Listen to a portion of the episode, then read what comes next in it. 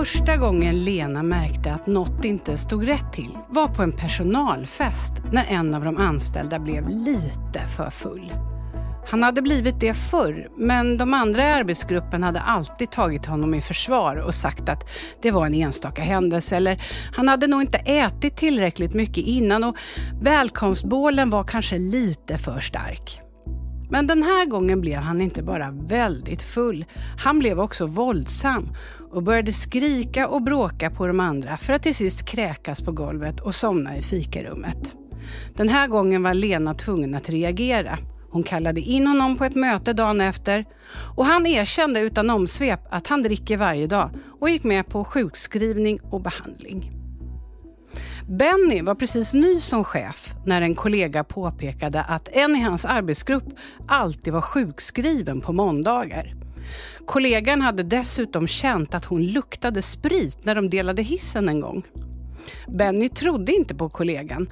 För kvinnan det gällde hade ett otroligt driv på jobbet och var en fysiskt aktiv person som sprang maraton och andra lopp. Hon såg inte ut att dricka en droppe.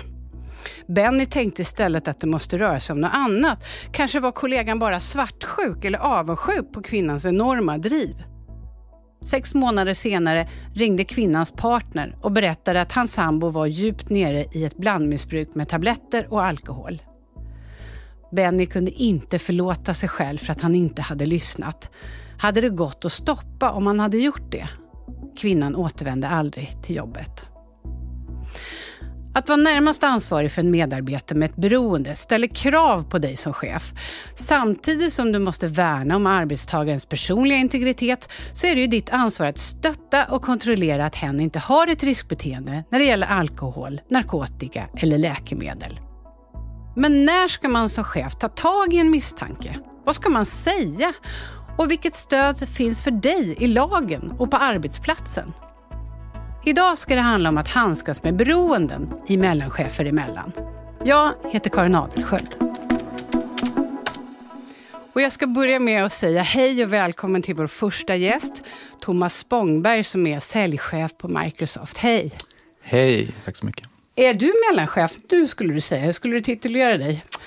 Eh, ja, det skulle jag göra. Uh eh, jag har ju då chef som säljchef över ett antal säljare mm. som jobbar då på Microsoft i, både i Sverige och internationellt. Mm. Och eh, sitter då i en sån typisk mellanchefsposition där jag också självklart har chefer ovanför mig. Mm. Hur trivs du i den? Eh, jag trivs bra med det eh, och det är väldigt stimulerande och roligt och eh, att framförallt att jobba och driva med team och, leda andra och så vidare. Så att, det är bra men det är självklart också en roll som har många utmaningar. Mm. Och en av dem ska vi prata om idag. Och jag vet att du har varit med om en eh, beroendeproblematik när det gäller de som du har jobbat med. Eh, kan du berätta mer? Ja, det stämmer. Jag har haft en sån upplevelse. Och, eh, det var en situation där jag hade en säljare som jobbade mycket och även på internationell nivå med mycket resor och så vidare där jag upptäckte att det var någonting som inte stod eh, rätt till. Eh, det, det, var lite avvikande beteenden i form av eh, lite sena inlämningar av vissa uppgifter och ibland att den här personen lite som jag kallade för försvann. Det är ju extra svårt också om det är en person som man kanske inte jobbar med direkt även i samma kontor. Då, I det här fallet till och med i ett annat land. Mm. Eh, och då ställer jag ännu högre krav på att man som chef eh, ännu mer liksom, kan vara aktiv och lyssna och försöka se. Men i det här fallet så upptäcktes det och eh, det var jättesvårt att hantera mm. på, på, på, flera sätt. Men jag kände att jag eh, relativt tidigt behövde göra någonting för, mm. att, för, att, för att ta tag i problemet. Annars så tror jag det här skulle eskalera. Varför var det svårt? Jag tror att det är en av de svåraste saker man kan göra som just den här utmaningen som chef med den här typen av situationer. Det är någonting man inte gör speciellt ofta, vilket är tur det. Och, och det kräver mycket också. Man måste ta sådana här tuffa samtal och svåra samtal. Mm. Vad gjorde du för något? Eh, just i det här specifika fallet då, så först så sökte jag lite stöd också med min egen chef och eh, hade en konversation där jag sa att jag misstänkte någonting för det hade varit en, en antal händelser som jag hade märkt själv och även fått lite eh, från andra som hade hört och sett vissa saker. Mm. Men jag valde att ta det här första samtalet själv och inte med hjälp av någon annan. Eh, för att jag just ville visa för den här personen att jag verkligen eh, brydde mig om och ville förstå lite mer om hur det stod till. Men också tydliggöra att det här inte var okej när det hade gått till den här nivån. Mm. Hur löste det sig sen? Ja, alltså det var som sagt svårt. Som, I det här fallet så gick det, det bra. Det löste sig att jag konfronterade den här personen som inte direkt, men kanske efter ett tag sedan erkände att det, att det inte helt stod rätt till. Och det fanns också en del eh, personliga problem som den här personen hade också då i privatlivet som kanske var en del av orsakerna till det här missbruket eller de här, de här händelserna. Men vi kom fram till slut sen att han faktiskt lyssnade och uppskattade och han fick stöd och vi gjorde någon form av handlingsplan. Och, eh, den här personen jobbar faktiskt kvar idag, inte för mig i mitt eget team, men, men han lyckades vända runt det här och det kom runt det. Men det tog sin tid och var, och var svårt. Vad har ni för alkoholpolicy på Microsoft? Vi är ju medvetna om, och det är inte unikt för oss, men andra som jobbar med mycket med försäljning, som reser och träffar kunder, både i Sverige eller internationellt, så har man ju ofta en sån situation där det kan vara mycket middagar eller andra events och liknande. Reser man internationellt så kanske man också spenderar en tid i flygplanslounger med tillgång till alkohol och sådär. Mm. Och det gör att man är, kan bli utsatt och, och det, det, är vi medvetna om. Och det är någonting som vi jobbar också med där vi har stöd från vår HR-avdelning och chefsgemenskap där vi tar upp och diskuterar det här, mm. hur vi jobbar med det. Så, och, och hur handlar ju mycket om att vi försöker aktivt lyssna och se och snabbt fånga upp om det är någonting som står eh, inte rätt till. Sen har ju vi flera olika policies, både nationellt och internationellt, där det gäller hur man får bete sig och inte bete sig på ja, arbetsplatsen. Mm. Självklart. Tänker du själv på hur du beter dig som chef? Säg att ni har julfest. Dricker mm. du alkohol då? Eh, ja, det gör jag. Mm. Eh, det, det, gör jag. Självklart så är man som chef och ledare en förebild. Man behöver mm. alltid tänka lite på... Gör du det innan då? Tänker max två glas eller? Nej, jag, jag, har inte själv en policy det sättet att jag max har någon gräns på hur mycket, men jag tänker på eh, alltså, att inte kanske dricka för mycket eller hur jag beter mig. Och det, det gäller väl inte bara i arbetslivet, utan det gäller generellt. Men även precis i, i jobbsituationer så så tänker jag på det att äh, inte ja, att, att hålla sig, ändå vara lite så här föredöme. Sen ska man ha roligt och så vidare. Man ska ju inte äh, vara för utan jag tycker att det handlar om sunt förnuft. Mm. Hur vet man att det handlar om ett missbruk då? Vilka är signalerna och hur ska man agera om den anställde inte ens vill infinna sig på arbetsplatsen? Vår reporter har träffat Susanne Wernersson som är chef med personalansvar på ett hotell i Sundsvall. Och hon har varit med om en situation där en anställd just insjuknat i en beroendesjukdom och helt enkelt inte dök upp. Jag började misstänka något eh, när den anställde avvek från jobbet lite tidigare. Och eh, sen så inför semestern så vart det sjukskrivning de sista dagarna och eh, sjukskrivningen blev då av en närstående. Så att den anställde ringde inte själv och sjukskrev sig. Susanne är hotelldirektör, högste ansvarig under VDn och hon har börjat se tecken på att en i personalen har alkoholproblem. Jag fick också signaler från eh, några medarbetare att det kunde vara något som inte stämde riktigt. Några sommarveckor passerar med frågan hängande i luften. Hur mår egentligen den anställde? När jobbstarten närmar sig och Susanne fortfarande inte hört något försöker hon få kontakt ja, men alltså dagligen ringde då, då och sökte den anställde. Eh, men eh, till slut så blev det så att eh, jag skickade också brev. Om, och jag skickade re rekommenderat brev och ingenting fungerade så det slutade med att jag åkte hem till den anställde. Och jag kände ju att jag kommer ju inte vara välkommen här nu och jag kände att jag hade ju, det fanns ju, fanns ju inget liksom, det kunde ju hända vad som helst när jag, när jag liksom fick eh, kontakt med den anställde då. Mm. Var du rädd att du passerade någon gräns? Ja, alltså, Rådfrågade du någon? Ja, jag rådfrågade vår branschorganisation, absolut. Man kan ju inte göra liksom hur, hur man vill. Men eh, jag bestämde mig också, jag, jag, jag, får ju inte tag på personen. Och jag, om, jag, om jag skickar rekommenderat brev och det kommer tillbaka att det är ingen som hämtar rekommenderade brevet så bestämde jag mig att på något sätt måste jag ju lösa det här. Det här går ju inte. Jag visste ju inte ens om den anställde skulle komma och jobba efter semestern. Det var ju fortfarande helt oklart för mig. Det är sen eftermiddag när Susanne börjar köra mot adressen som ligger några mil utanför Sundsvall. Värmen är tryckande och himlen mörk. Med blicken fäst på motorvägen börjar oron växa i henne. I vilket skick kommer hon att möta den anställde? Hur kommer henne att reagera när chefen plötsligt står där utanför dörren? Susanne bestämmer sig för att vad som än händer är det en sak hon vill ha sagt. Att imorgon klockan nio väntar hon sig att den anställde och hon ska ha ett möte på hotellet. Eh, jag parkerar, jag kommer ut i bilen, jag ser ett, eh, ett villaområde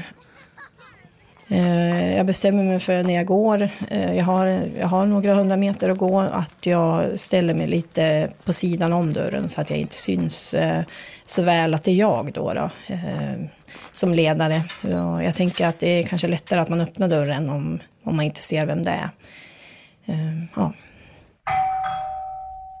Så du gömde dig?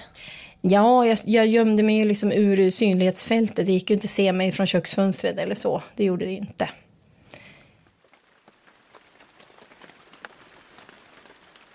Dörren öppnades. Eh, den anställde stod där och eh, jag stod utanför liksom genom dörröppningen och eh, eh, den anställde stod innanför i hallen. Så att, eh, var hen berusad då?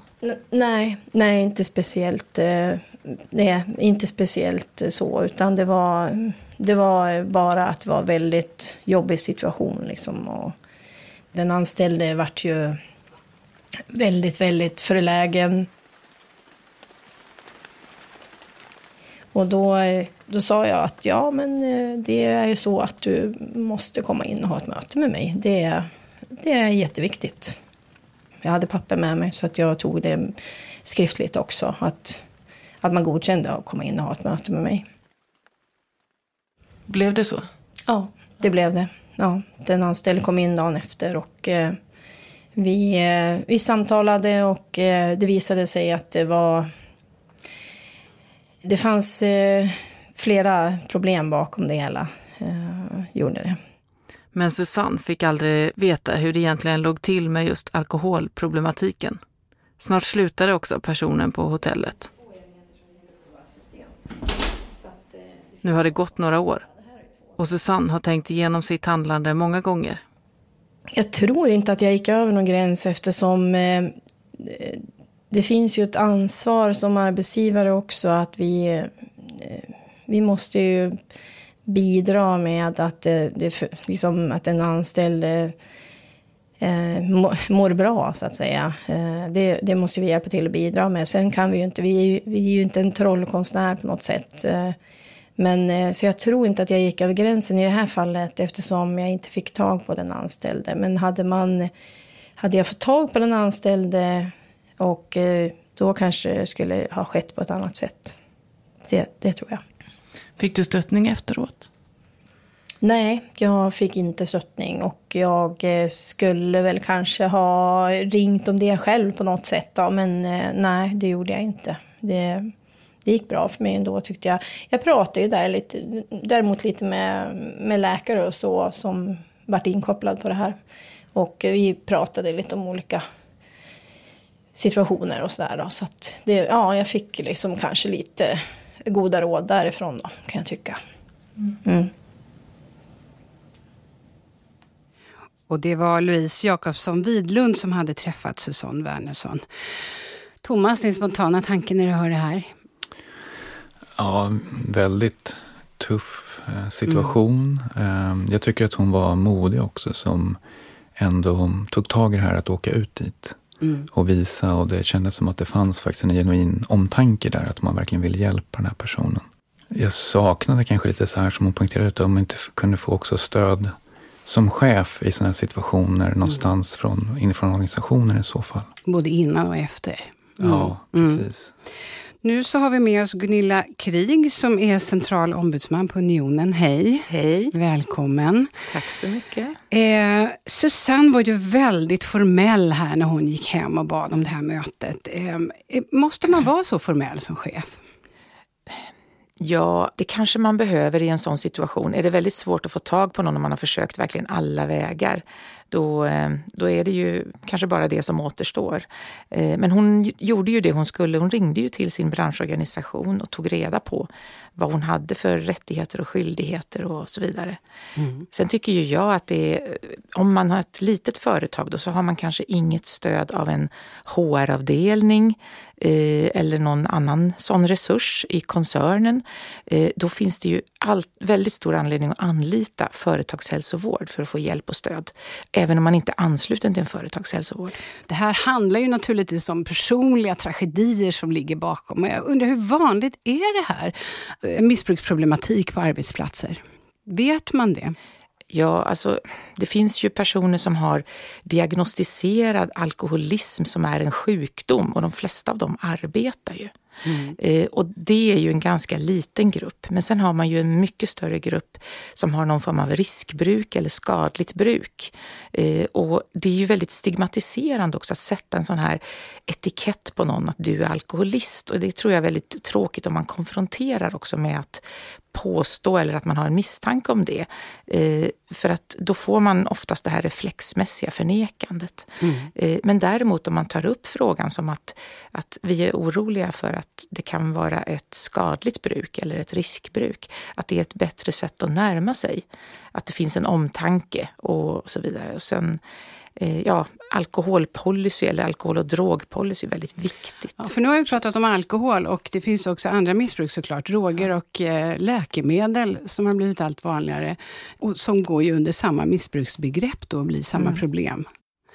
Hon pratade hela tiden om att hon var rädd över att hon, eh, att hon gick över en gräns, Susanne. Gjorde hon det? Och vad är det för gräns man pratar om, alltså man inte får gå över som chef? Ja, det handlar ju mycket om den personliga integriteten. Och, och ett, eh, ett sånt här vanligt fel, skulle jag väl säga, som företag gör, det är ju att man kräver att all personal ska genomgå drogtester. Mm. Och det finns ju jobb där man eh, har sådana, eh, ja, det, är alltså så känsligt ur säkerhetssynpunkt, det man arbetar med, så att det verkligen finns en anledning. I den tunga industrin till exempel så kan man ha slumpmässiga ja. kontroller? Ja. ja, slumpmässiga kontroller är en sak och sen mm. kan det ju vara, på vissa företag så har man ju infört att alla måste blåsa innan man startar en bil till exempel. och, så där. och då, då, Det som är viktigt i sammanhanget är ju när det handlar om just tester, för där är man ju inne på någonting som är väldigt integritetskränkande att då är det väldigt bra om man har eh, tagit en, eh, ett möte, en förhandling och kanske försökt ta fram den här alkohol och drogpolicyn i samverkan mellan arbetsgivare och fackförening. Mm. Eh, så att man eh, vet att det finns en balans mellan personlig integritet och behovet av säkerhet på arbetsplatsen. För det är fortfarande det man måste agera ut efter som arbetsgivare. Alltså med tecken, eh, när ska man sätta ner foten så man inte kränker ens integritet? Ja, det, det, kan ju vara att man har indikationer på något sätt, som det har varit i de exemplen som vi har tagit upp nu, eh, som gör att man har en misstanke. Och då är det väldigt bra om man får stöd av företagshälsovården till exempel när man ska ta samtalen eller mm. om man ska eh, försöka erbjuda hjälp och stöd. Mm. Hur långt väntade du eh, när du var med om att du såg tecken? Och, väntade du tills du verkligen hade bevis eller gick det på känsla? Eller när? Ja, det är en bra fråga. Jag eh, gick nog på ganska snart. Mm. Eh, med också, jag tycker så här att eh, i min roll som chef så var det inte min roll att försöka utreda om det här är ett missbruk eller göra en diagnos, utan jag utifrån min egen ledarskapsfilosofi har liksom en genuint intresse om personens välbefinnande. Och det är det man måste utgå från som chef. Och jag tycker inte att det är något fel att, att ställa en fråga om man misstänker eller känner att det är någonting som inte stämmer. Eh, I värsta fall har man fel, som, eller i bästa fall ska jag säga, har man fel som chef. Och då mm. har man ställt det på ett bra sätt så, så är det väl ingen fara i det. Så det kan vara omtanke faktiskt att fråga också? Att, ja, det tycker ja. jag absolut. Är vi lite för nervösa och rädda där för att egentligen fråga hur det står till? Ja, ibland kan det ju vara så. Samtidigt så finns det ju ett antal andra sjukdomar som kan ge liknande, eh, alltså visa samma typ av eh, symptom som mm. att någon är påverkad. Bland annat har det ju varit ett stort problem för folk med olika funktionsvariationer nu, att vakter har gått på dem och trott att de är berusade, fast mm. de inte är det. Men sådana saker vet man ju ofta på en arbetsplats, men det kan ju bli problem just om man är långt ifrån varandra, man jobbar i olika länder och man kanske inte umgås dagligen. Och då kan, det, då kan man hamna i väldigt svåra integritetskränkande situationer om man snabbt går på någon för att man tror att den är berusad, fast det är en helt annan sjukdom. Mm. Det kommer fram till det här samtalet ändå, konfrontationen där man som chef måste titta den anställda i ögonen och säga, ja, säga någonting. Mm. Och eh, vi ska faktiskt iscensätta en sån situation här och nu. Och det ska handla om just att konfrontera en anställd som man misstänker har ett missbruk. Thomas, du dricker ett glas vatten här och förbereder dig lite. Du vet ja. vad som ska hända. Du är väldigt, väldigt modig som gör det här, ska jag säga. Vi är Tack. inte många som skulle tänka oss att göra det eh, när vi också blir studerade och inspelade. Men så här är det. Vi har bjudit in skådespelerskan Amanda Oms för att prova hur en sån här situation skulle kunna utspela sig. Och så här är bakgrunden nu, Thomas. Du är chef du har mottagit klagomål från flera av dina anställda kring en person om att hon har luktat alkohol på jobbet. Hon har kommit in sent och hon har skickat icke jobbrelaterade sms vid märkliga tider på dygnet. Du har också tidigare anat att det finns ett problem för den här personen har vid flera tillfällen blivit för berusad på personalfester och liknande. Och de senaste månaderna har det eskalerat. Nu måste något göras. Du har kallat in den här personen för ett samtal och det ska du få ta nu, för här kommer hon. Hallå! Hejsan! Hej! Välkommen! Hej! Hej! Tack så mycket att du kunde komma med kort varsel. Anledningen till att jag kallat in till det här mötet är för att jag har en liten, eh, skulle vilja höra lite hur det är med dig. Jag är faktiskt, måste jag erkänna, lite orolig här jag har fått lite indikationer på att det kanske inte allting står rätt till. Det var så underligt att jag var tvungen att leverera alla de här sakerna igår. Jag var mm. tvungen mm. att åka till Sollentuna. Ja, det, ja, jag ber om ursäkt. Det har varit lite mycket med min familj på sistone, men jag var ja. tvungen att göra det helt enkelt. Men det stör väl ingenting. Jag skickade ju alla mejl igår, eller hur? Ja, absolut, och det tackar jag jättemycket för. men jag tänker så här, vi har ju haft här uh, några tillfällen där du inte riktigt har dykt upp i tid på några möten, det har varit för sent med lite arbetsuppgifter som ska lämnas in i tid och så vidare. Ursäkta? Jag har även fått lite indikationer från andra medarbetare som tycker att du har upptäckt lite märkligt och de ändå funderar på om du har varit någon alkohol mm. med i bilden. Vi hade ju den här personalfesten där du också uppträdde lite, måste jag säga, märkligt ur min synpunkt. Hur ser du på det här? Tycker du själv att det är någonting? Hur mår du egentligen? Hur, Hur mår jag? Ja, må... Du skojar, jag mår jättebra. Ja. Jag är jättetacksam för alla nya uppgifter du har gett mig faktiskt. Ja, men den här personalfesten vi hade för någon vecka sedan så slutade det faktiskt med att du var ganska berusad eh, på kvällen och uppträdde lite märkligt och egentligen faktiskt bröt också mot en del av policer vi har. Får jag fråga dig en sak? Du anställde bara, mig som teamledare för att du anser att jag har sån total kontroll och insyn på hela vår grupp. Eh, ursäkta, ja. vad pratar du om? Och det är precis därför jag vill prata med dig, för du vet att jag genuint vill hjälpa dig och bero. Så att jag också, om det är någonting du känner att du behöver hjälp vill hjälpa mig, det här är ju underbart. Ja. Så jag frågar igen, är det någonting som du själv känner inte står helt rätt till eller är det någonting, vad, vad är din förklaring till de här incidenterna med att inte ha fått in rapporterna i tid och inte dykt upp på vissa möten och så vidare. Vad, vad, gör, vad är egentligen bakgrunden till det? Jag har naturligtvis dykt upp på alla möten. Vad pratar ni om? Men du vet ju själv att du inte har gjort det. Det var förra veckan vi hade ett där du inte dök upp och det har varit ett antal rapporter som har blivit insläpade. Ja, men jag ber om ursäkt. Jag var ju tvungen att åka till Sollentuna igår som ja. jag sa och det här hände, ja, Fast det, takten det till det här ju fler än en för... gång så jag bara undrar vad, hur, vad, vad, står, vad känner du själv är orsaken till det här? Ja, och vi eh, säger tack där faktiskt till Amanda Oms. tack så mycket. nu går eh, din anställde ut här igen ja. och eh, jag har rys över hela kroppen därför att jag blir så berörd för det är så svårt. Hur kändes det här för dig?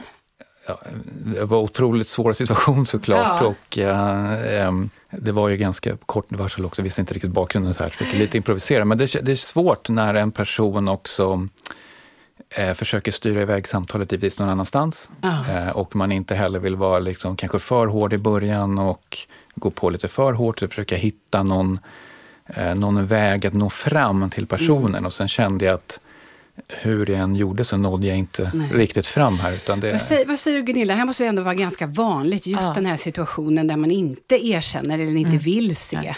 Det, det är ju väldigt vanligt att man förnekar att man är helt oförstående. Och ofta så tror jag att man inte ens spelar oförstående utan man verkligen är, eh, man, man, man inser inte själv att man har ett alkoholproblem heller.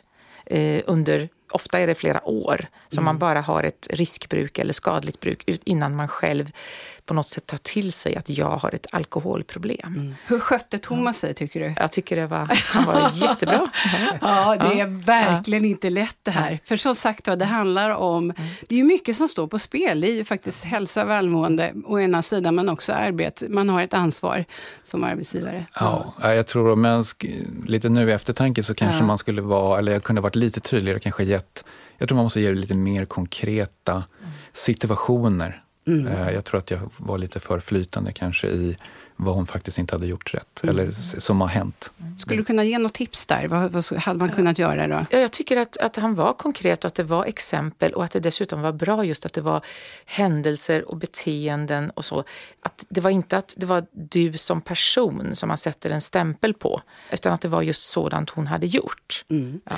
Och här kommer man ju ingenstans. Vad, vad hade man behövt göra? Boka ett nytt möte, ta hjälp av fler personer? Vad, Ja. vad säger du? Ja, det tror jag man behöver. Det är ju så att vi har sett väldigt mycket, Unionen har många förhandlingar som handlar om att arbetsgivare vill göra sig av med en anställd på grund av att de inte presterar som de ska och man misstänker att det finns eh, alkohol eller drogproblematik men man har inga bevis och samtidigt så är det så att arbetsgivaren har kanske försökt konfrontera men den anställde förnekar. Och, och sådana förhandlingssituationer har vi alltså väldigt många. Och jag skulle säga att vi tycker ju att det sämsta lösningen det är väl om man skickar hem en anställd med en överenskommelse om ett avgångsvederlag och en stor påse pengar. Varför är det så dåligt? Ja, varför är det så dåligt? Därför att om det är så att man har en jobbig situation, problem, då är det ju väldigt lätt att man hemfaller åt ett mycket värre drogmissbruk om man plötsligt får mycket pengar på en gång. Så att därför så har alltså arbetsmarknadens parter i Sverige, då arbetsgivarorganisationerna och fackförbunden tillsammans byggt upp Alnarådet, alkohol, narkotika eh, rådet då som, och det handlar ju om droger överhuvudtaget, även läkemedelsberoende. Så att man ska ge stöd och hjälp för att vara kvar på jobbet och inte bli hemskickad. Och, vi- inte heller bli sjuk och sådär. Om vi nu ska konkretisera verkligen vilken ordning man tar stegen. Thomas upptäcker, eller någon annan chef upptäcker, det finns misstankar om ett beroende. Hur börjar man? Har man en HR-avdelning så är det ju där man får stöd som chef. För då eh, har man en alkohol och drogpolicy så har man ett väldigt bra stöd där också eh, när man ska ta upp första samtalen med den berörde medarbetaren. Sen är det ju företagshälsovården och sen får man specialistkompetens och hjälp och stöd ifrån Alnarådet om man har eh, anslutning då till att man, företag som är med i Svenskt Näringsliv de har kollektivavtal och då kan man vända sig dit och få hjälp. Och ditt sista tips till säkert någon som lyssnar nu som sitter i den här, vi pratade om det innan Thomas, det kommer hända alla chefer någon gång att man behöver ta tag i en sån här problematik. Allvarligare eller mindre allvarlig, men det är lika bra att förbereda sig. Eh, och hur tycker du man ska göra nu för att veta när det händer? Hur ska man vara beredd? Ja, att man kan, man kan be om stöd någonstans på HR eller företagshälsovård. Hur tar jag det här svåra samtalet? Öva på det svåra samtalet innan man hamnar i situationen i skarpt läge. Kanske lära sig Ja. lite mer om hur Ja. det funkar också. Ja. Jag tänker att eh, drogmissbruk är ju inte lika vanligt. Kanske inte Nej. Mm. man kan lika mycket om tecknen och sådär också. Precis. Och Det kan man läsa om på Alnas hemsida till exempel. Att också att man hela tiden har ett erbjudande till den som är berörd. Att man är väl förberedd som chef och kan erbjuda stöd och hjälp. Så att det finns någonstans att vända sig. Så att man till exempel berättar att vi kan betala det här, vi har lösningar. Eh, så att man inte känner sig som att man bara går därifrån i ett vakuum. Mm. Och man kan tänka mig känner sig ganska ensam också som chef för den här. Säg att man peppar allting innan samtalet, men efter, du har ju varit med om ett sånt här samtal nu. Hur, hur känns det efteråt? Mm. Ja, det känns fortfarande. Ja, det snurrar, eller hur? Ja, ja, absolut. Det är viktigt som du säger att kunna... Alla svåra samtal kräver förberedelse. Det är mitt tips, att förbereda specifikt då sådana här unika situationer, extra förberedelse och se till att man har stöd i sin organisation från HR eller kanske från sin egen chef eller fackförbund eller vad man nu, mm. vad man nu vet. Så att man, man inte är ensam i det här. Man ska inte ta på sig och tro att man ska lösa det här helt på egen hand som chef. Mm. Det var väl jättebra avslut. Man är inte ensam i det här. Tack snälla för att ni kom, Gunilla Krig, Thomas Spångberg. Och vad säger ni som lyssnar nu? Väckte det här tankar hos er? Har ni frågor eller erfarenheter som ni vill dela med er av? Vi tar jättegärna emot fler frågor på ämnet, så ställ dem till oss på Instagramkontot mellanchefer understreck emellan eller på poddens hemsida som är unionen.se mellanchefer bindestreck emellan. Och svaren de publicerar vi på samma plats, så kom ihåg att gå in och titta där sen. Reporter idag var Louise Jakobsson Widlund, tekniker Christer Orreteg, producent Blenda Zettervall Klingert och jag heter Karin Adelsköld. Produktionen Mellanchefer emellan görs av Filt Hinterland för Unionen. Tack för idag. Tackar. Tack så mycket.